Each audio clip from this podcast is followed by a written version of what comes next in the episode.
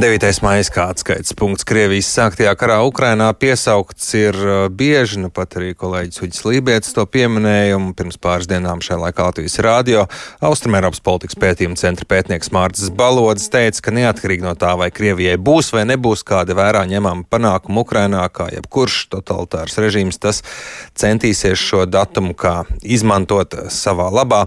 Esam jau arī stāstījuši, ka līdz ar karu Ukrainā kiberuzbrukumu skaits Latvijā ir kļuvis lielāks lielāks un netrūkst arī dezinformācijas un propagandas. Šobrīd esmu sazinājies Atlantika Koncila digitālās izpētes laboratorijas dezinformācijas pētniece Baltijā Niku Aleksējevu. Labrīt! Labrīt! Jums pētāmā materiāla tagad vairāk? Noteikti, noteikti. Kopš kara sākuma arī pati dezinformācija vairs nav tāda diskutabla un pelēka, bet ļoti balta vai melna. Nu, pre, precīzāk melna, un arī apjoma ziņā, protams, ir daudz vairāk ar ko strādāt. Kas ir tie vēstījumi, kurus Krievija cenšas izplatīt Baltijas valstīs, un kāds ir to mērķis? Pārsvarā vēstījumi ir tie, kurus mēs jau esam redzējuši.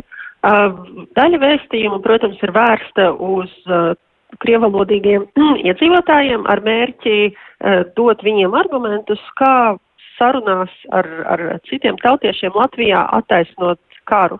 Tas uh, nenotiek īpaši mērtiecīgi tādā ziņā, ka arī Latvijā vēl joprojām, ja ļoti vēlas, var piekļūt uh, dažādiem ziņu resursiem, kaut vai tiem pašiem telegram kanāliem, kas izplata vēstījumus, kas ir Kremlim labvēlīgi. Uh, protams, vēl kas notiek, un tas ir noticis jau vairāk gadu garumā, izplatās vēstījumi par to, ka Latvija ir neizdevusies valsts, kur, protams, ir jānošķir robeža, kur ir konstruktīva kritika, bet kur ir tiešām pārspīlējumi par to, ka Latvijā nekad nekas nebūs labi un uh, Krievija, cik labi viņa dzīvo. Un, protams, arī um, dažādi vēstījumi par to, uh, cik NATO ir slikts uh, vai Eiropas Savienība, cik daudz. Uh, nu, ne, nelaba tā ir nesusi Latvijā gan vērtību ziņā, gan arī sociāla-ekonomiskajā ziņā. Tie būtu tie tādi pamati virzieni.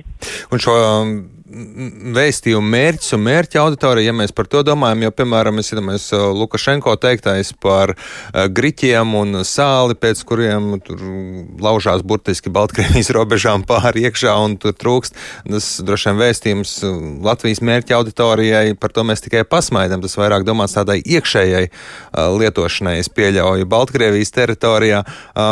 Cik daudz tie ir tā, teiksim, vērsti uz to mm, Baltijas valstu iedzīvotājiem, un cik daudz varbūt uz tādu Krievijas un Baltkrievijas iedzīvotāju tēlu radīšanu par to, kāda ir dzīve Eiropā?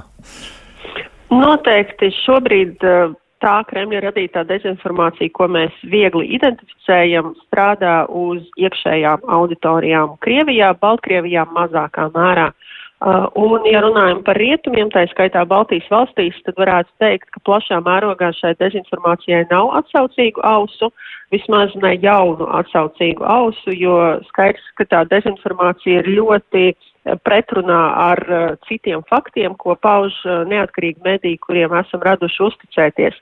Tātad tas patiesības grauds šajos vēstījumos kļūst aizvien mazāks un drīzāk ir tāds kā atspūgs, piemēram, uh, kara sākumā uh, Krievijas um, uh, ārlietu ministri, ministrs Sergejs Lauros pat izteicās, ka Krievija nemaz nav sākusi karu ar Ukrainu, kas nu gan ir tādā līmenī, kur nu, grūti, grūti noticēt, grūti atrast iemeslu, kā izskaidrot, kā Krievija nav sākus karu ar Ukrainu. Tas varbūt tās spilgtākais piemērs, cik ļoti maz uh, tiek pievērsts uzmanības tam, lai šie vēstījumi izklausītos ticam. Uh, protams, vēl kas, kas notiek, notiek tas, ka pie mums tiek uzņemti bēgļi, un uh, ir daudzi vēstījumi, naidīgi vēstījumi pret tieši bēgļiem. Bet tur ir jānošķir tie vēstījumi, kuri rodās nu, tādā dabiskā veidā, kur tiešām šo cilvēku ir daudz, tiem ir jāpalīdz, un varbūt citiem mūsu sabiedrības locekļiem rodas zināma skaudība, ka lūk, cik daudz viņiem palīdz, kamēr um, savējiem tur tādi un tādi pabalsti. Uh, lūk, ta, tas ir viens. Nākamais, jā, ka bēgļi varbūt slikti uzvedās, un tur arī ir jānošķir. Viens ir tas, ka katrā sabiedrībā mēdz būt dažādi gadījumi. Mēs nezinām, vai tie tikuši izprovocēti, vai cilvēks pats ir bijis um, nu, tāds nepieklājīgs. Un otrs ir, ka jā, kad notiek tāda vispārināšana, ka tas tiek attiecināts uz visu sabiedrību. Uh, taču jāsaka, ka Latvijā nu, šādi vēstījumi viņi ir, bet viņi nav pārsvarā. Teiksim tā, stigma pret Ukraiņu bēgļiem vēl nav izveidojusies, un tādā ziņā varam secināt, ka varbūt tā dezinformācija par gadījumiem, kur, kur teiksim, ka Ukraiņi visi ir bagāti un, un brauc ar leksusiem un pieprasa ēst par brīvu. Arī šādi vēstījumi parādās, jā. Parādās noteikti, bet viņi noteikti uh, nav tie, par ko uzreiz iedomājās, ja dzird vārdu Ukrainas bēglis. Bet tie tādi profesionāli, speciāli veidoti vēstījumi, jeb tie, nu, veidojas gluži dabīgi. Cilvēks ierauga kaut ko un izdara secinājumus un pa pavairo šo informāciju. Nu, tā kā pats tajā brīdī sapratis, ja tas tomēr ir organizēti veidotas kampaņas.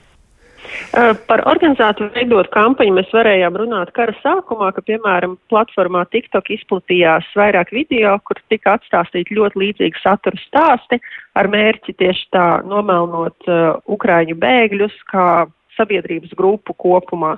Tātad tieši šie stāsti par leksusiem, par nemaksāšanu restorānā, par piedzvaigžņu viesnīcu pieprasīšanu un tā tālāk. Um, Tagad eh, nu, arī mēs redzam, ik pa laikam uzspēlta eh, šie, šie, šie paši stāsti, un, protams, ka mm, daļa no tiem varētu arī būt kaut kādā nelielā patiesības graudā balstīti, jo pirmkārt Ukraiņas bēgļi neba, nebēg no nabadzības, bet no kara, un karš nešķiro, vai tev tur ir leksus un, un lakoti nagi, vai arī tu aizbēdz prom no dzīvokļa, kur tev līdzi tikai virsjaka un, un rokas somiņi. Lūk, bet, nu, protams, ka rodas arī šie dabiskie stāsti, kur cilvēki atstāst viens otram baumu līmenī, kāds izdomā pasūdzēties par to sociālajos tīklos ierakstot savu video, un tad tas jau iegūst tādu kā viralitātes, tādu kā klaiņojošas leģendas stāstu, lai gan pierādījumi tam, ka šāds gadījums ir noticis, piemēram, par uzbrukumu, uh, Ukrainas bēgļu uzbrukumu puisītim Vācijā par to, ka viņš esot runājis krieviski, tam nav atrasts pilnīgi neviens neatkarīgs pierādījums, ka šāds incidents vispār būtu noticis. Tāpēc, uh, jā, protams, ka ir vieta baumām, kas pēc tam pārtop tādos kā mītos, leģendās, un tie tad varētu nebūt tik ļoti organizēti, bet, protams, mēs redzam, esam redzējuši jau arī tādus koordinētus um, vēstījumu izplatīšanas veidus. Klausoties jūsos, vai var teikt, ka dezinformācija tiek sliktāk sagatavot un kļūst vieglāk identificējama? Daļēji jā un nē. Uh, vēl, protams, ir jāņem uh, aspekts tāds, ka uh, propagandas pirmais uh, mērķis ir tomēr nomierināt sabiedrību pašā Krievijā, kur uh, nu, ir nepieciešams radīt par 180 grādiem pretēju ainu nekā Krievijas iedzīvotāji varētu redzēt un dzirdēt no saviem uh, radiem draugiem Ukrainā vai uh, no kaimiņiem, kas saņem zārkus uh, ar, ar karā kritušiem karavīriem. Un tāpēc šī propaganda ir ļoti emocionāla, uh, dezinformācijas gadījumi, kad mēs tādus, nu, tiešām tātad, uh, kur ir pavisam, pavisam neliels patiesības grauds, cik daudz, ka ir uh, noticis kāds notikums, bet tālāk jau ir pilnīgs izdomājums. Arī tie stāsti, viņa mērķis ir nodot vēstījumu caur emocijām un tā, faktiem. Uh, jau, jau tur ir mazāka nozīme. Tāpēc, jā, viņa ir kļuvusi daudz melnāka tādā ziņā, ka šai dezinformācijai ir mazākas saiknes ar patiesību, tāpēc, ka ir nepieciešams radīt alternatīvāku realitāti nekā tā bija līdz šim. Jo līdz šim varēja teikt, ka nu, Krievija aizstāv savas uh, intereses diplomātiskā ceļā, pirms karš bija sācies. Jā, viņi savēl karaspēku pie robežām, bet viņi taču nevienam neuzbruk, viņi var darīt, ko grib savā teritorijā. Un tad tie argumenti bija tiešām tādi, kam cilvēks um, parastais varētu vairāk noticēt. Un šobrīd uh, Jā, tie vēstījumi ir daudz melnāki. 9. 9. maijs. Mēs, mums pašiem ir uh, Latvijā daudz dažādas diskusijas par to, ko darīt, teiksim, ar padomu pieminekļiem. Par to mēs runāsim arī pēc stundas rīta programmā Labrīt, bet 9. Uh, maijs pavisam tu varam ko gaidīt, ka būs kāda aktivizācija dezinformācijas jomā šajā, varbūt tas jau parādās. Um, pašlaik mēs neesam redzējuši tādu plašu izteiktu kampaņu, kas, piemēram, mudinātu cilvēkus tomēr apmeklēt pasākumus par godu 9. mājiem ar mērķi svinēt Krievijas uzvaru Ukrainas karā, piemēram. Uh, mēs šo neredzam, un uh, organizācijas, kas līdz šim ir rīkojušas, piemēram, uh, piemēram nemirstīgo pulka gājienu, pie, uh, sauc cilvēkus šos svētkus atzīmēt mājās. Tomēr, jā, mēs nevaram izslēgt, ka kaut kas varētu notikt. Piemēram, um, mēs varētu redzēt kādas provokācijas pie šī paša um, uzvaras parkā, pie šī paša pieminekļa, kur, piemēram, uh, cilvēki tiešām atnāk nolikt ziedus individuālā kārtā, bet ir uh, citi cilvēki, kas viņus provocē, un tad tas tiek nofilmēts un tiek parādīts, ka, lūk, kā Latvijā nacisti vai nacionālisti uzbrūk cilvēkiem, kas godina otrā kara piemiņu un, un tādā veidā. Eh, Kaut ko tādu mēs varētu sagaidīt. Ja? Eh, tas būtu viens, vai arī tas, ka, me, ka tiek nofilmēts, cik daudz cilvēku noliek ziedus par godu šim notikumam, un tad Krievija varētu teikt, ka, lūk, eh, Latvijas režīms neļauj uh, Latvijas iedzīvotājiem izpaust savu atbalstu atklāti, bet mēs redzam, cik daudz cilvēku vēlas šo atbalstu paust. Tas tie varētu būt tie vēstījumi, kas varētu nākt pēc tam publiskajā informatīvajā telpā, visdrīzāk Krievijā un Krieviem. Uh, Krievijā, bet um, nu, tādas plaša mēroga akcijas, nesankcionēti mītiņi pagaidām neizskatās, ka varētu notikt. Paldies jums par sarunu šorīt. Atlantika Kauncila digitālās izpētes laboratorijas dezinformācijas pētniece Baltijā Nika Aleksēva ar mums sarunājās.